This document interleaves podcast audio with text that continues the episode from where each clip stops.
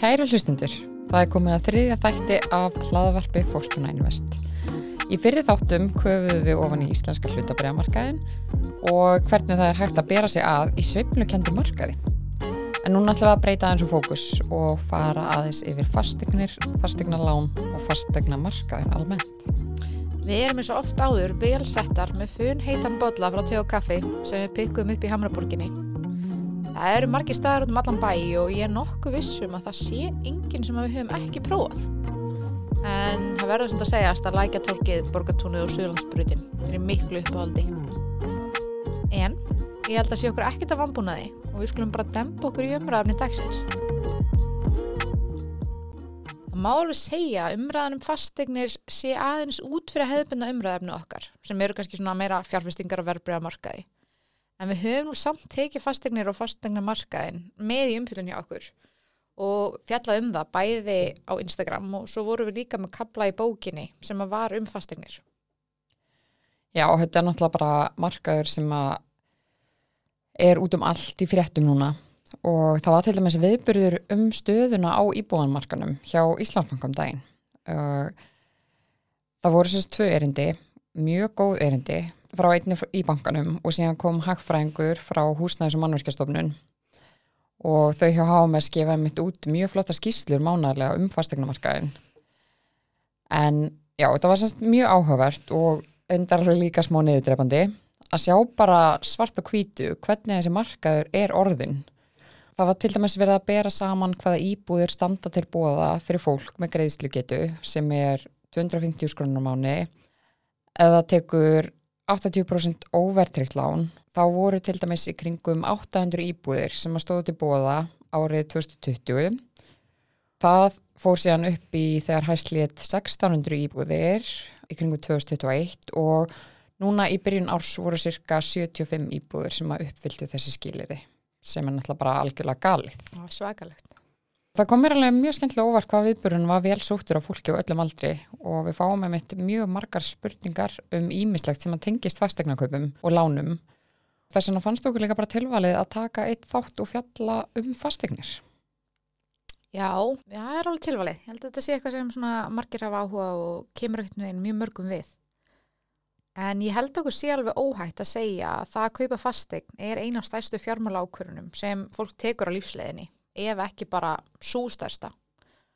Og maður upplifir ekkert með að allir hafi áhuga á skoðun á fastegnamarkanum. Og hann spyrir líka bara mjög stórt hlutverk í lífi margra. Og hvort sem þeir eiga fastegn eða er að vinna því að komast inn á markaðin. En það kannast öruglega margir við að vera í fastegna hugleðingum og sita við tölvuna með endalust marga flipa opna en á fastegnavefnum. Ég leita drauma íbúðinni eða drauma húsinu.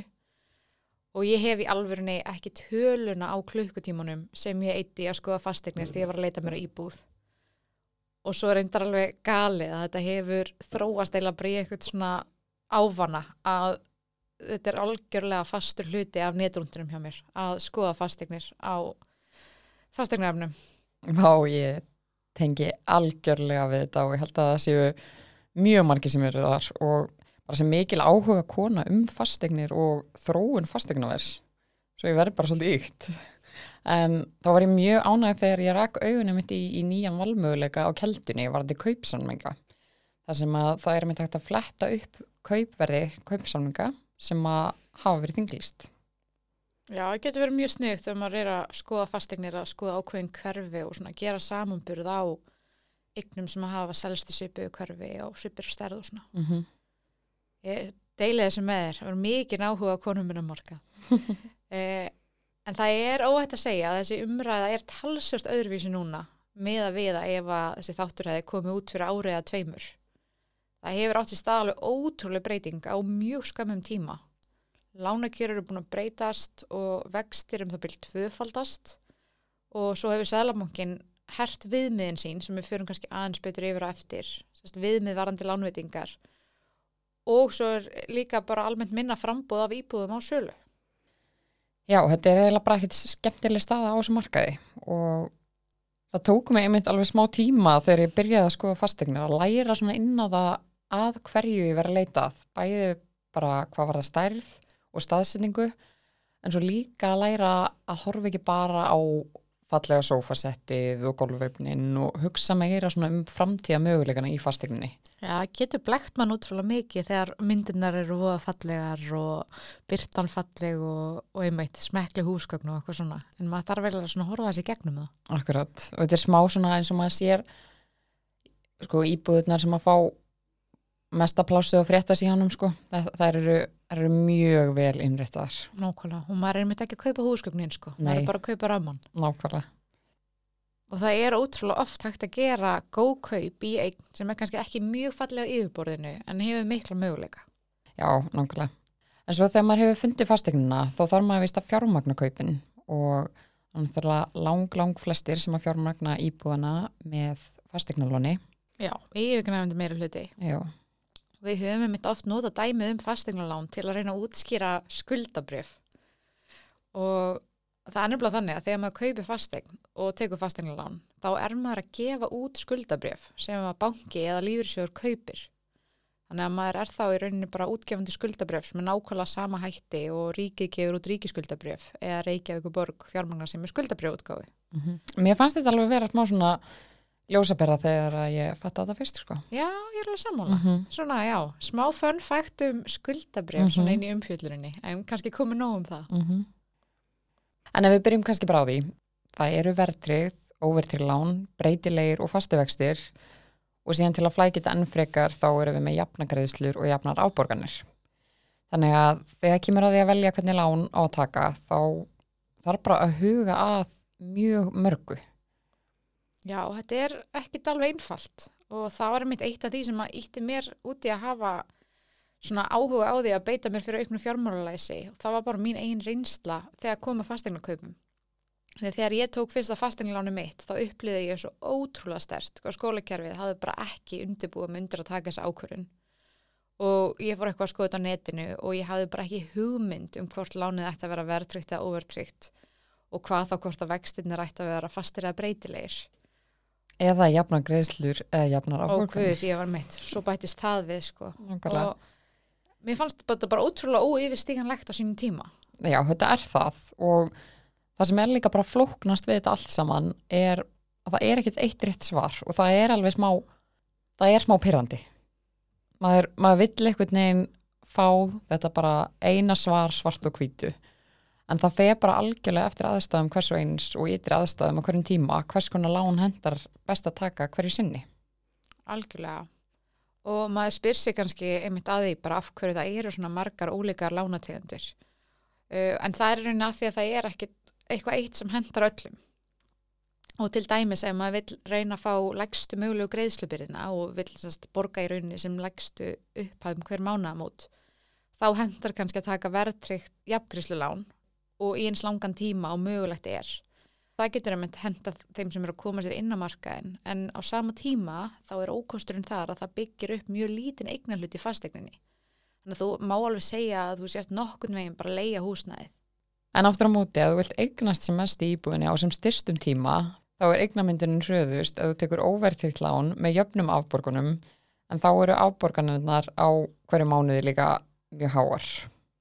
Í rauninni er samt sko þumalbutareglan svo að því stittri sem lánstíminni er því hraðari er eignamyndinin.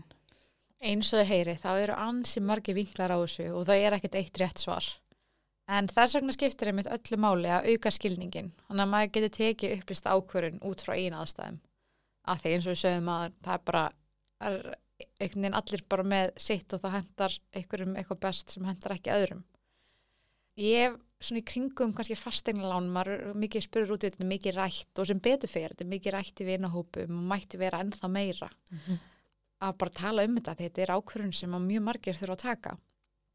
En í kringum það, þá hef ég orðið vörfið að það er ótrúlega algengt að fólk er ekkert að kynna sér mismunandi lánakjör þegar það er að taka fastegnalán.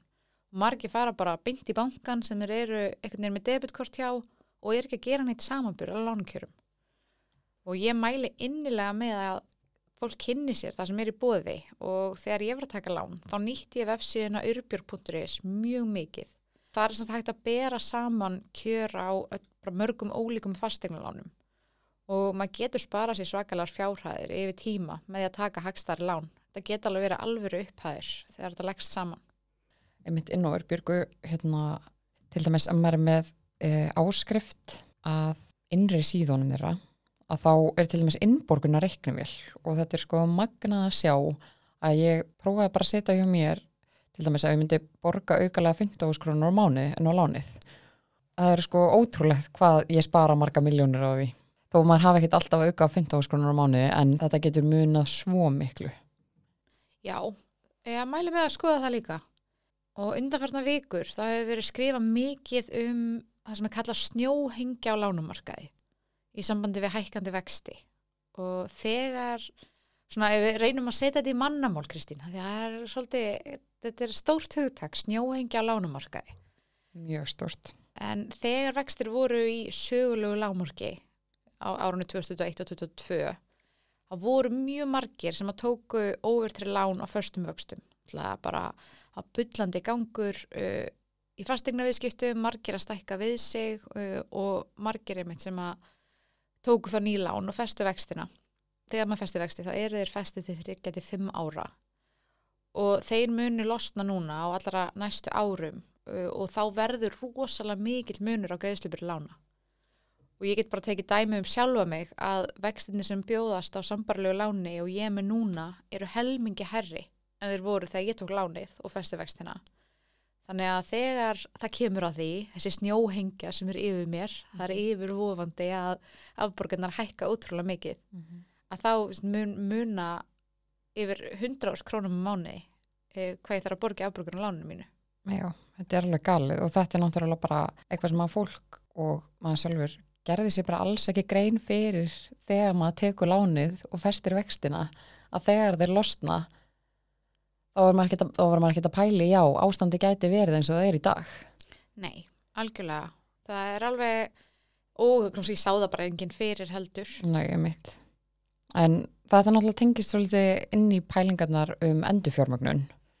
Og með því er átt við að taka nýtt lán sem að henda betur á þeim tíma til að borga upp eldralán og það getur náttúrulega marg borga sig að endurfjármagna til dæmis ef að vakstakjör verða betri sem að kannski á ekki við þessu tilfelli en líka bara ef aðstæður hjá manni breytast sem átöldum eins og við núna þegar að hérna, ég held að það sé nú bara fyrsti fasi í haust þegar að vextir fara að losna frá þessum lágu vöxtun sem að fólk nældi sér í og þá verður maður kannski einhvern veginn að horfa hvernig get ég lækka þessa greiðslubyrði sem að verður bara mjög mikil og eitthvað sem maður er ekki undirbúin undir.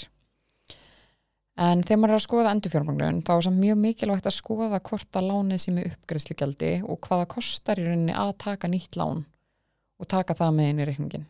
Hefur þú ykkur að reynsla á endurfjármagnun, Kristín? Rósa, það er ekki að það spyrja þessu. En sko, ég trú ekki sér að deila fleiri hérna með fólk eftir að ég fekk Twitter herin á mig um daginn en já, þetta bara vonandi hjálpar einhverjum sem er í endurfjármögnunar hugleðingum ég ætla ekki að kafa eitthvað djúft onni máli en ef þið eru semst að fara endurfjármögnuna til dæmis bara úr verðtriðu yfir í óverðtryggt eða öfugt og þeir eru með tvö eða þrjú lán að munði þá eftir því að skoða hvort þið geti endurfjármögnað allan pakkan og segjum til dæmis að þið séu með tvö lán og, og eitt til dæmis viðbóta lán. Ef þið eru komin undir ákveðið veðhlutfall hjá ykkar lánastofnun að þá getur bara vel verið að þið getur verið með eitt lán í staðin fyrir tvöð og þrjú og það bara getur sparað heil mikið kostnað og pening til lengri tíma. Já og þetta skiptir einmitt sérstaklega máli ef að eins og bara mjög margir eru með að þú ert með grunnlán og ert með viðbútalán Mm -hmm. að vera að fylgjast með láninu og hvort að þú getur það mögulega því að viðbútalán eru yfirleittast með herri vexti, eru dýrari að ef að þú getur endurfjármagnað í eitt lán að reyna að gera það, það getur muna rosa miklu að vera ekki að greiða mörgum lánum og þá er mitt oft dýrari lánum. Svo líka eitt sem að ég vissi ekki fyrir en ég átti það með á fyrir ekkert svo löngu síðan að það er hægt ofta skilmála breyta láni. Þannig að maður getur í staðin fyrir að, að taka nýtt lán og greiða nýtt lántökugjald þá getur maður rauninni bara breytt skilmálum lánsins hjá lánveitandanum og ég til dæmis tók lán með breytilegum vöxtum en vildi svo festa vextina og þá var það bara skilmálubreiting sem kostaði mun minna heldur svona að taka nýtt lán. Já, emitt. Það getur borgað sig að kanna svona slíka möguleika ef maður vil gera eitthvað breytingar. Já, það er náttúrulega bara svo margt einhvern veginn sem þarf að hafa í huga með þetta og bæði það að, að taka fastegnaláni fyrsta skipti og síðan það að endur fjármagna þetta er svona hlutir sem að þú gerir ekki það ofta á æfinni þannig að einhvern veginn það er svo margt sem maður þarf að huga að og maður er náttúrulega bara fljótur að gleyma þannig að hérna, það er eins gott að kynna sér þetta vel áður en maður fer út í þessi pælingar Já, og það var líka bara eina ástæðan fyrir að við vildum gera hann þátt, allavega að reyna að deila reynslunni og veggjanum sem við höfum lent á. Nákvæmlega. En á Íslandi hafa fastegnir verið vinsal fjárfesting, eh, bæði sem bara kaupa eigin húsnæði, en líka kaupa fastegn til útlegu. Og í sögulegu samingi þá hefur fastegna verið almennt hækkað umfram verðlag. En síðan getur fastegna verið samt alveg lækkað og það gerði það til dæmis í kjölfar fjármálahurinsins Um, tímabundi samt, svo var það nokkuð fljótt að taka við sér aftur. Og það kom alveg smá lækkunafasi þá. Nákvæmlega, og núna eru við aftur að sjá smá lækkunafasa það er náttúrulega ekkert algengt en eins og núna í þessu tilfelli þá er þetta bara smá leiðrétting sem er að eiga sér stað á markanum því þetta var náttúrulega bara búið að hækka upp úr öllu valdi á stundum tíma. En það er náttúrulega alltaf einhver áhætta tengd til dæmis bara líka viðhaldi fastegnarinnar sem getur náttúrulega verið mjög kostnæðasamt og ófyrirsjánlegt þannig að það er svo margt sem að þarf að taka inn í spilið þegar maður kaupir fastegn eins og bara, já, tryggingar ámagn, vassufráviti gjöld fastegna gjöld geti talið upp einna öru klæ fimm mínútur í viðbútt en fullt af einhverjum svona auka gjöldum sem geta komið upp líka bara sem maður er kannski ekki undirbúin undir og hérna, kannski vera meðvitaður um það að hérna jú, maður þarf að geta staðið við kostnæðan á láninu en síðan er bara fullt fleira. Já, það er ótrúlega fljótt að telja þessi viðbúta kostnæður. Það fórur ekki fram hjá mörgum að íbúið verði hækkaði mjög mikið árunum 2021 og 2022 en það hefur, eins og Kristín sagði, síðan farið aðeins lækandi síðustu mánuði og það er í fyrsta skipti eitthvað ár sem að það gerist. En lækunin er kannski tilkomin út af herrivöxtum og svo er Sæðlabankin búin að setja stífari reglur um greiðslubyrði húsnæðislána. En greiðslubyrða hlutfallið, það segir okkur til um hversu stór hluti af okkar útborguðu launum má að hámarki fara í að greiða af íbúðalónum. Þannig að fólk er kannski að standa greiðslumat en ekki þetta greiðslubyrða hlutfall. Af því að þetta hlutfall má sérst ekki samkvæmt þessum nýju reglum fara umfram 35% af ráðstofunateikjum og 40% af ráðstofunateikjum hjá fyrstuköpjum. Þannig að segjum bara ef að umsækjandi er með 300.000 útborgað þá má greiðslubyrði á mánuði ekki fara umfram 105.000 krónur á mánuði eða 120.000 ef viðkomandi er fyrstuköpjandi til þess að fá lánið. Þetta er svakalega stór breyting mm -hmm. og einhvern veginn já, ég verði að viðkynna, mér finnst þetta frekar svakalegt og svo bætist náttúrulega við þetta líka að hámas lánstími verðtrið að lána sem að var einu sinni 40 ár er núna 25 ár. Þetta er náttúrulega bara, já, þetta er eiginlega bara ræðilegt fyrir fyrstu köpundur. Já, þetta er allavega krefjandi. Já, já, og einmitt á fundinum um daginn þá var mikið rætt um þessa fyrstu köpundur og það fekk man alveg aðeins til að hugsa. Já, ég einhvern veginn svona verið upp fyrir sjálfur mér þá held ég að maður sem fyrsti kaupandi upplifa alltaf að það sé ótrúlega erfitt og jafnvel erfiðara fyrir sína kynnslóð heldur en kynnslóðun undan. Að einhvern veginn komast inn á annan markað. Það tekur ógist að langan tíma spara fyrir útborgun og mann finnst þetta eiginlega bara ekki hægt. Og svo einhvern veginn segi ég var í mikilli sjálfsvorkun þegar ég var að kaupa mína fyrstu eign og ég gerði tilrönd til að halda þessu fram í fjölskyldbúð eitthvað tíman þetta hafi náttúrulega bara aldrei verið jafn erfitt og núna og, og svona. Og ég uppskar vægast sagt hörmulegar undirtæktir hjá fólki sem var eldri en ég uh, en það var að kaupa sína fyrstu fastegn þegar aðgengja fjármagni var talsvöst minna heldur en það var þegar ég var að því.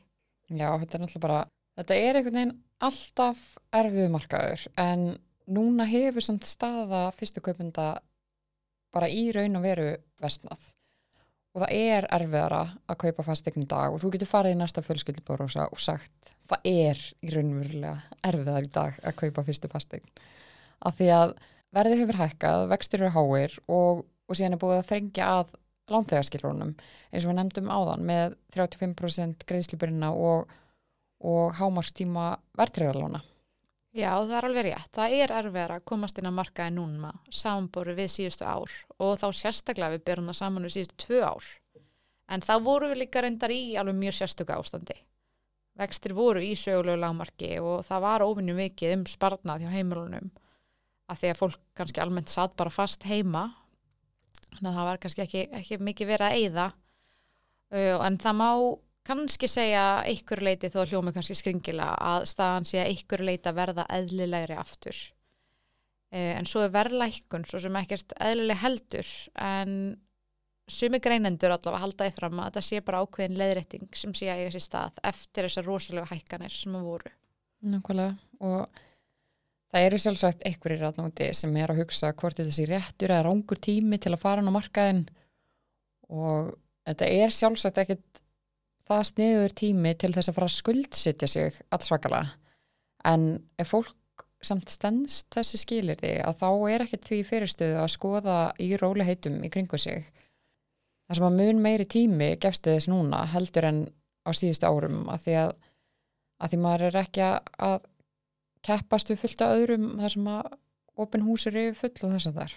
Já, maður álega minningar á því að fara á opun hús og það var sko byðruð fyrir utan, hleyft inn í hollum. Já, og svo var náttúrulega rosalega mikið um að það væri verið að yfirbjóða húsnæði. Emmitt að þú nefnum bara kannski fórst og skoðar íbúð sem að þú réðst við uppsett verð en svo fórum kannski 5 miljónum yfir uppsettu verði. Allir í kringum yfir að lendi í þetta. Lendi í þessu. Vini mínir emmitt hérna voru að kaupa sinna fyrstu eignum daginn og þau sögðu mitt bara loksins er okkar tími komin bara við kaupatindir eigum hennan tíma núna. Þannig að þetta er svona einhvern veginn flakkar á milli. Hvernig það hendar að koma inn á hana marka? Já, það eru einhvern kostur og gallar við öll, einhvern veginn, allar staði í sveiflunum og, og svo kannski til að vera ekki alltaf niðurdröfmandi, þá verður maður nú að koma inn á það að það er ólíklegt að staðan verði eins og neyri daga eilifu. Að öllum líkindum mun verðbólgan hérna og vextir lækka vonandi fyrir en setna og þegar það gerist, þá er sniðugt að fara að kíkja hans yfir frambúða lánum á þeim tíma og skoða hvort það sé hægt að endur fjármagna lánin með hagstari hætti. En fastegnamarkaðurinn, rétt eins og hlutabrjöðmarkaðurinn, náttúrulega ekki alveg eins, en, en svona, uh, er sveiflukendur eins og aðri markaðir. Og það eru yfirleitt, vill maður meina, einhver tækifæri í sveiflunum. Og þó því miður maður sjáur það oftast ekki fyrir en eftir á. Ég alveg að mér finnst þegar maður er að upplifa sveiflur, hvort sem það er á hlutabrjöðmarkaði sem er nú ansi, búin að vera ansi mikið upp og niður núna síðustu ári, náttúrulega bara greiðlega gott gengi og svo í mjög þungt ári fyrra, mm -hmm. að maður vill líka alltaf vera að læra því, sko. algjörlega, einmitt Maður vill einhvern veginn vera að, að pæla hans í þessu og hlusta á fréttinnar og átta sig á þessu og reyna að skilja orsakasamengið og allt þetta. mm -hmm. Og að náttúrulega þegar það er reyfing á hlutunum og það er ekki allt bara steindaukt, þá er einmitt mesta tækifæri til að læra. já, nákvæmlega Klálega, og með fastegnumarkaðin á er þetta líka, allavega ég upplifa sjálf, bara læra á reynslunni. Æ, algjörlega þannig sko Og maður hefur alveg gert mistök, sko. mm -hmm. 100% Og líka bara að kannski, við upplifum þetta mikið, bæði bara í kringum hlutabröðviðskipti og líka fastegnaviðskipti að það er mitt fólk vill bara fá svarið. Þú vilt bara eitthvað segja þér nákvæmlega hvað þú átt að gera. Mhm. Svo þurfur ekki að pæla í þessu og þurfur ekki að tími þetta og allt þetta. En það getur enginn sagt þér rétt að svara fyrir þig. einmitt og þess vegna verðum maður bara að að muna eftir endur fjármagninni Já, bara vera með augun opin og fylgjast með hvernig lánum hans er að þróast. Líka kannski ómerkilegt innskot en ég allavega vissi ekki að þetta væri valmúleiki að þú veist, þegar ég setti láni mitt í sjálfvirk afborgun, mm -hmm. þannig að það er bara alltaf skuldfært á gjaldanum, þá sparaði ég mér eitthvað seðilgjöld eða eitthvað álíka algjörlega, sem voru alveg eitthvað 300 kalla mánuði. Það er 3600 kalla ári, Einmitt. til saman. 100% það telur allt nefnilega Það gerir það. mm -hmm. Og svo líka bara þetta sem við vonum að einhverju leiti að þetta hlaðvarp geri og, og þessi þáttur geri að opna bara umræðina, að tala meira um þetta. Vist, mér fannst alveg bara fyrir nokkrum árum þegar ég var að spyrja bara mína nánustu út í fastegnalán, þá var eiginlega eins og ég væri að spyrja bara um eitthvað mjög dónulegt sko. Það var að spyrja um eitthvað mjög persónulegt og það var ekki dróð mikill vilji til þess að ræða þetta eitthvað opinskátt. En ég held að maður læri eiginlega hvað mest af því að tala um hlutina og deila þekkingunni og reynslunni. mm og bara mistökunum ef maður hefur gert þau sko. Já, get, getur verið getur verið erfitt en það er útrúlega Já. gott fyrir aðra að geta Mhm. kannski svona já, lært af öðrum. Mm En við vonum að séu margs vísar um fastegnir. Við viljum sem benda á að við höfum reglulega sett fræðslu tengda fjárfestingum inn á Instagramið okkar, bæði fæslum og svo í story. En undir highlights er til dæmis umfjöldunum fastegnalán sem er hægt að skoða. Og svo er líka kapli um fastegnir í bókin okkar sem við gáum út fyrir jólinn 2001 sem er enn fáanlega á heimasíðun okkar. En bara takk herrlega fyrir að hlusta og þangað til næst.